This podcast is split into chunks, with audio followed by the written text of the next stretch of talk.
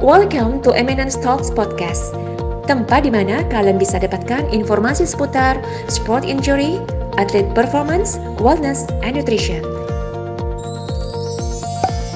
Let's talk with Eminence Talk. Halo semuanya, uh, selamat datang di Eminence Talk. Uh, bersama saya Harun dari SPPW Eminence.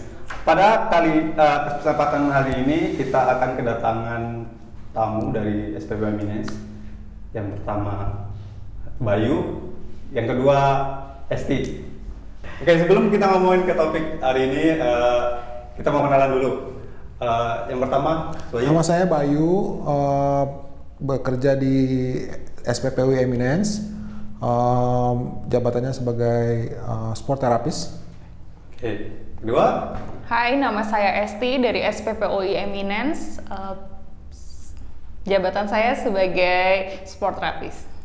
lanjut ya ke topik. Pada topik kali ini kita mau bahas tentang uh, kembali ke latihan uh, di masa transisi. Nah, ini kan PSBB aja masa transisi ya. Jadi olahraga pun seharusnya perlu transisi karena biasanya kita latihan sebelumnya uh, maksimal di lapangan, kemudian di gym, bisa di gym bisa empat kali, bisa lima kali, kemudian di lapangan bisa 20 kilo dan kemudian ada pandemi sampai uh, semuanya tutup dan kita latihan di rumah gitu. Latihan di rumah pun mungkin kita tidak maksimal ya. Latihan yang nggak maksimal atau jadi kita malah malas latihan itu efeknya apa sih? Nah, coba kita tanya ke Mbak Esti ya. Mbak Esti gimana kalau apa namanya kalau kita nggak maksimal gitu latihannya, apa efeknya ke tubuh kita gitu?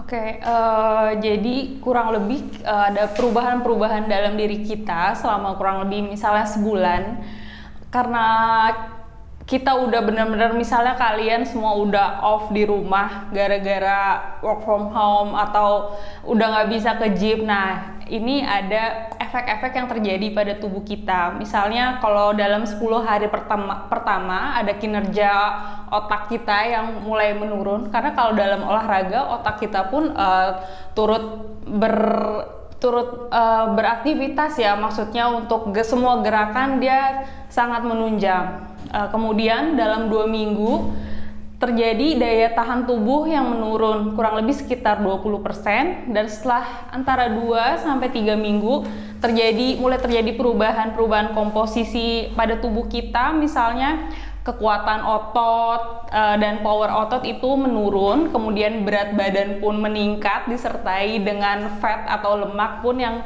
eh, meningkat juga dan dalam empat minggu atau kurang lebih selama sebulan terjadi eh, penurunan daya tahan kardio atau VO2 max menurun kurang lebih bisa 6 sampai 20% dan fleksibilitas pun pada tubuh kita juga bisa menurun sekitar 7 sampai 30%. Jadi eh, ya makanya dalam masa pandemi ini banyak yang badannya merasa kaku-kaku segala macam yaitu eh, efek dari kita nggak berolahraga sama sekali. Jadi terjadilah penurunan fleksibilitas dan lain-lain gitu, Mas Harun. Wow itu efeknya dua minggu aja udah udah kelihatan ya. Ya. Gimana kalau misalkan tiga bulan atau empat bulan nggak latihan ya gitu? Kok bisa kayak gitu? Kenapa ya Mas Bayu? Bisa turun banyak gitu gitu. Uh, ada efek di training ya kan sebenarnya ya. Jadi ada penurunan apa? uh, jadi di efek itu uh, membuat uh, fisiologi tubuh itu menurun ya, mulai dari otot, kapasitas jantung paru ya, terus uh, semua kekuatan apa uh, dalam tubuh juga ikut uh, turun. Itu sih yang efek yang efek fisiologinya Fisiologinya. jelas uh, akan akan akan nggak sama seperti kita uh, latihan lah sebelumnya gitu seperti itu Mas Harun. Hmm. Kalau misalkan kita nih latihannya langsung langsung kayak awal kayak sebelum kita di training tadi kata Mas Bayu, efeknya apa ya Mas Bayu? Resiko yang pertama ya kalau kita nggak melatih uh, atau latihan tidak terprogram atau tertata dengan baik yaitu resiko cederanya. Ya, Cedera ya. resiko cederanya itu akan lebih tinggi. Ya, jadi dari efek cedera pun ada anaknya ini psikologi juga gitu. Ya, psikologisnya nanti keganggu juga. Tadinya mau latihan semangat atau turun gitu. Yang kedua, ya kalau kita nggak desain dengan baik, kita tertata dengan baik, ya, ah, overtraining ini kemungkinan besar akan terjadi, ya. Kalau kita nggak lihat intensitasnya, kalau kita nggak lihat frekuensinya, ya, kalau kita nggak lihat waktunya, ya, berapa kali selama seminggu itu latihan, ya. Kadang kan orang, wah nih GBK dibuka ya, GBK dibuka nih, saya mau lari dua jam deh, ya. Karena sebelumnya belum lari pernah lari dua jam, atau saya mau lari kencang dengan intensitas tinggi gitu karena saking menggebu-gebunya kan oh lari lari lari lari. Hari pertama oke okay, hari kedua oke okay, hari ketiga hari keempat rumah sakit.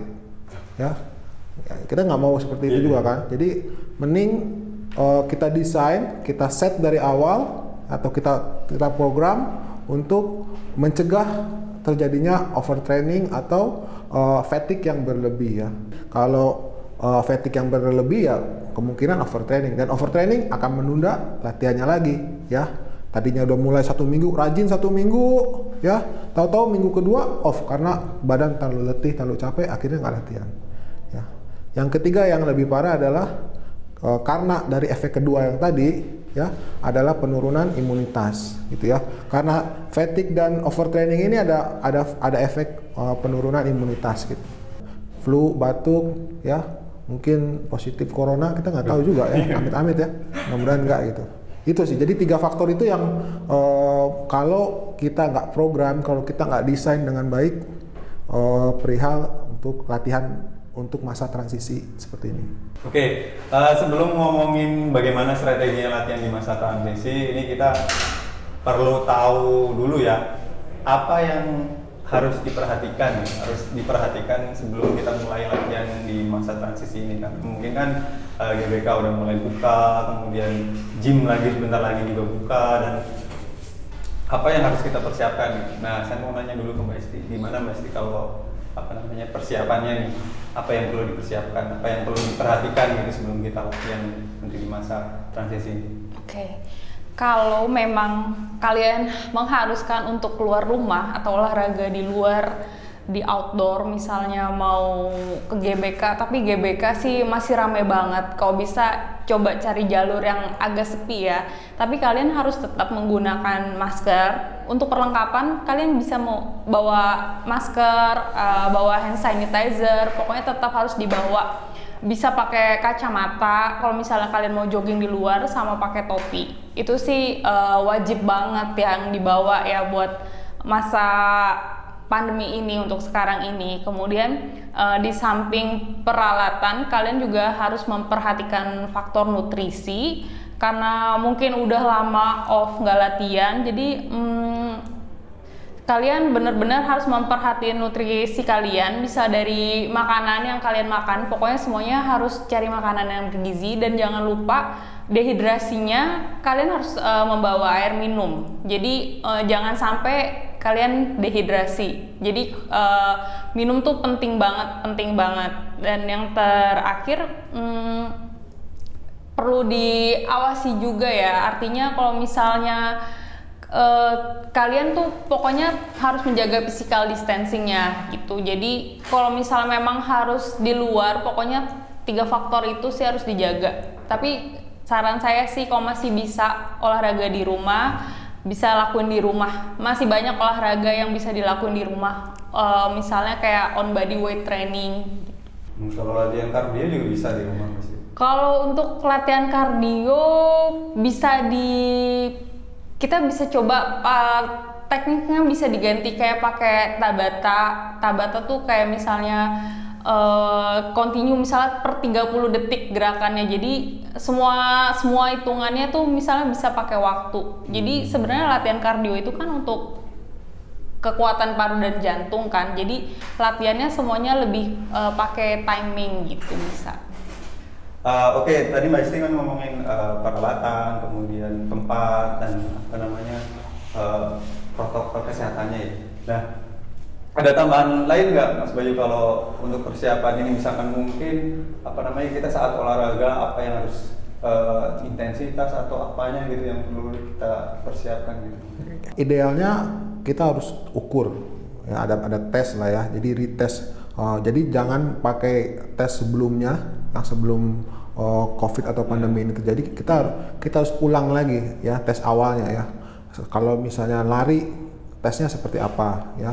Uh, VO2 max tesnya harus diulang lagi ya untuk pelari ini ya. Untuk kayak yang sering di gym atau bodybuilder ya, kekuatannya harus dites lagi ya kan. Problemnya kan di sini adalah kayak gimana sih cara tesnya? Kalau selama misalnya gym kan belum buka yang dibuka hanya outdoor aja ya outdoor apa outdoor outdoor facilities aja yang dibuka kan. Nah mungkin kalau runner mungkin bisa ya. Kita ukur uh, VO2 max tesnya kan ada Cooper test ada Balke test kan. Itu macam-macam ya. Jadi banyak literatur untuk mengukur lari ya.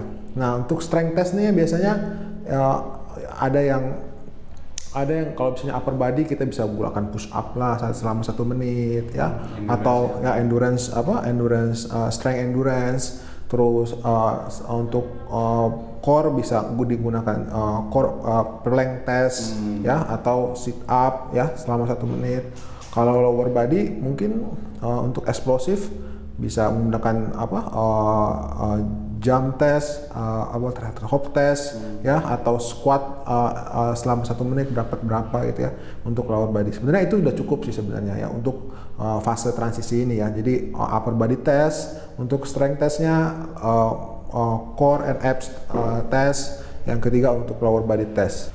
Oke Mas Bayu, eh, tadi kan dijelasin banyak yang buat uh, pengukuran ya, pengukuran ya dan itu lebih ke trainer ya yang yeah. akan membuat programnya. Nah, kita nih misalkan orang awam gitu ya.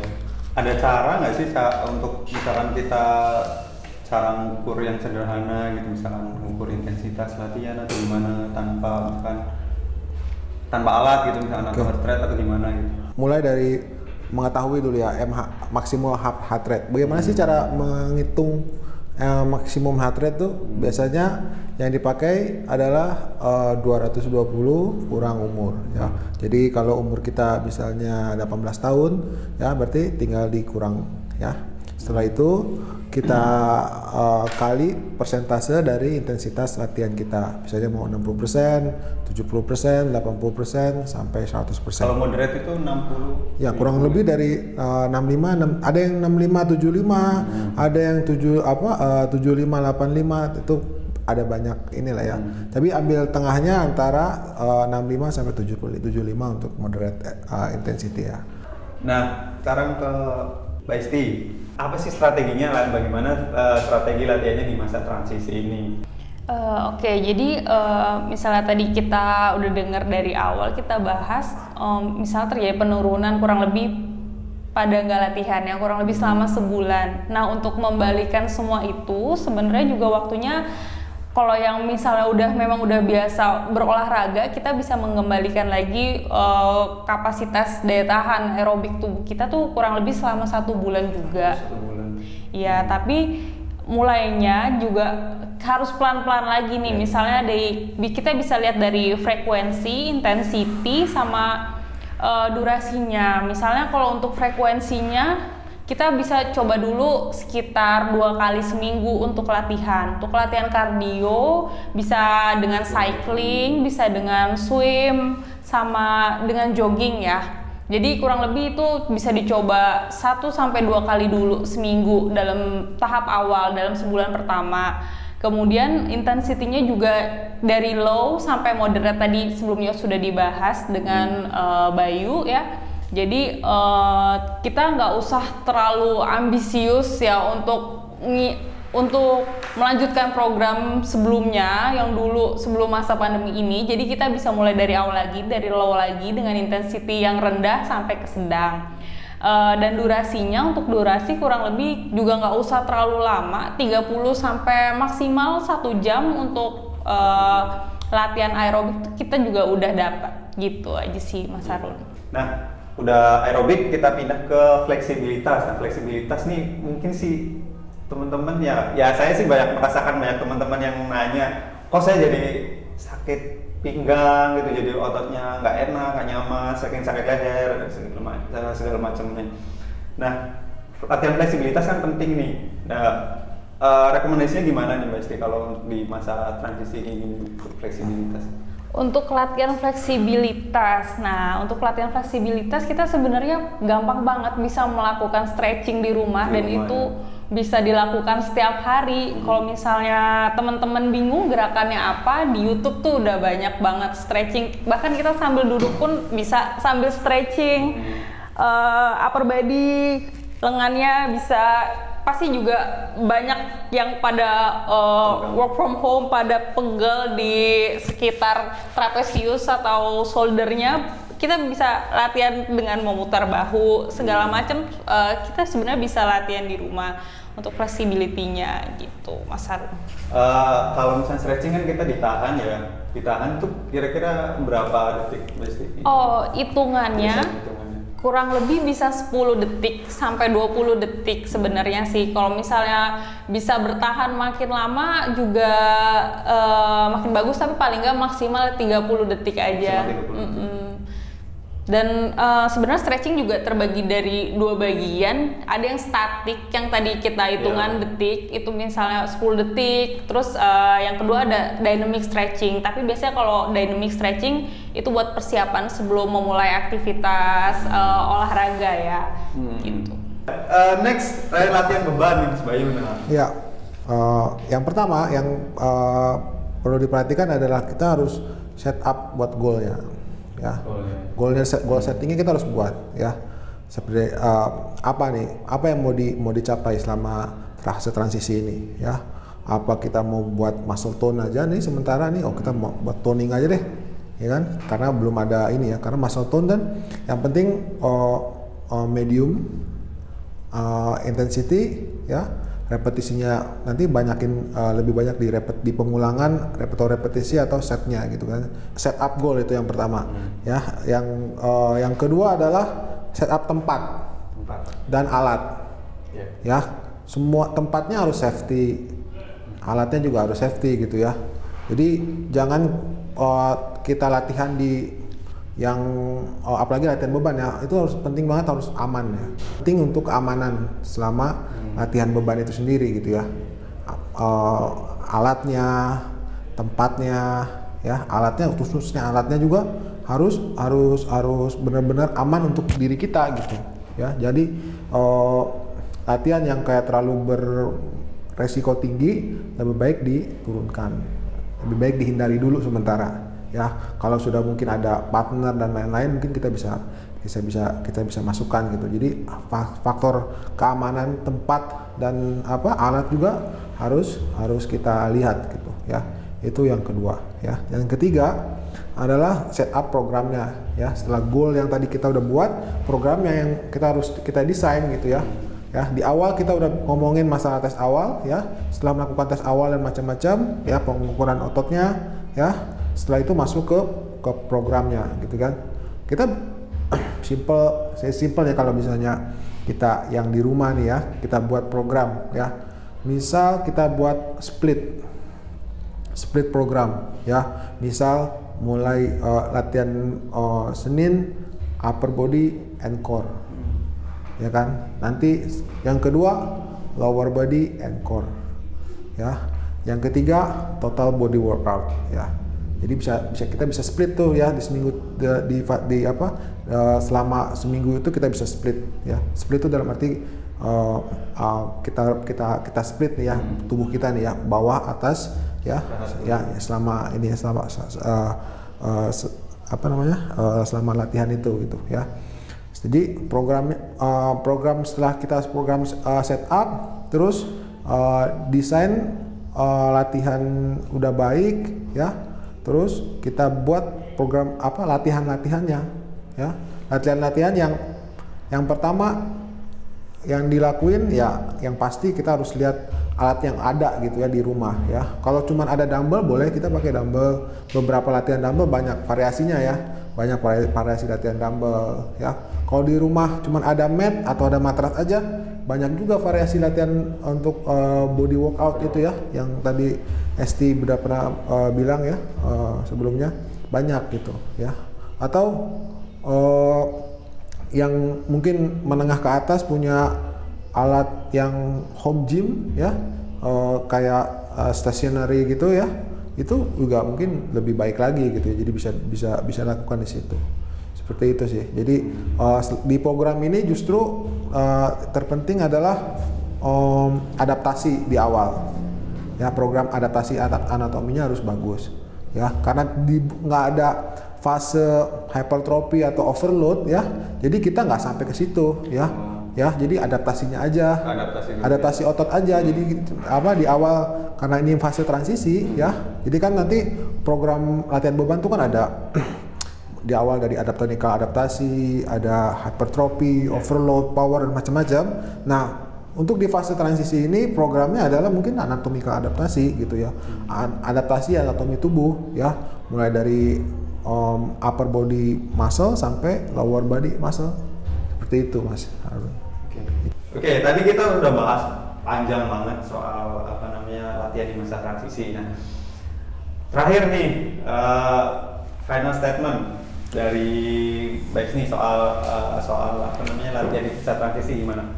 Oke, uh, final statement dari saya. Yang penting listen your body, nggak usah terlalu ambisius, uh, yang nggak usah bandingin kemampuan kita sama orang lain. Ya. Jadi harus sadar kemampuan kita masing-masing. Uh, programnya juga bisa kita sesuaikan dengan kemampuan kita masing-masing, gitu. Karena uh, kemampuan dan daya tahan tubuh setiap orang itu berbeda-beda. Gitu. Dan yang tahu kita ya. kita Dan yang tahu kita.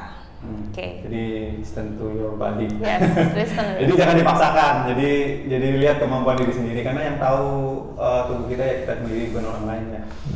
Kalau Mas Bayu gimana? Yang pertama aman, safety ya. Safety. Ya harus aman. Latihan itu semua apa pun harus aman selama fase transisi. Yang kedua ya terprogram ya terprogram dengan baik karena kita nggak mau semuanya uh, kita kita mau semuanya itu berjalan dengan baik ya. Yang ketiga ya lakukan reassess ya sebelum melakukan uh, program itu ya. Jadi kita harus tes awal ya kita ukur semuanya ya baru kita mulai latihan itu. Itu sih. Ya. Itu uh, Eminence Talk kali ini uh, terima kasih sudah uh, mau bergabung. Uh, kita pamit. Uh, sampai jumpa. Terima kasih telah bergabung bersama kami. Stay healthy, stay fit, and see you.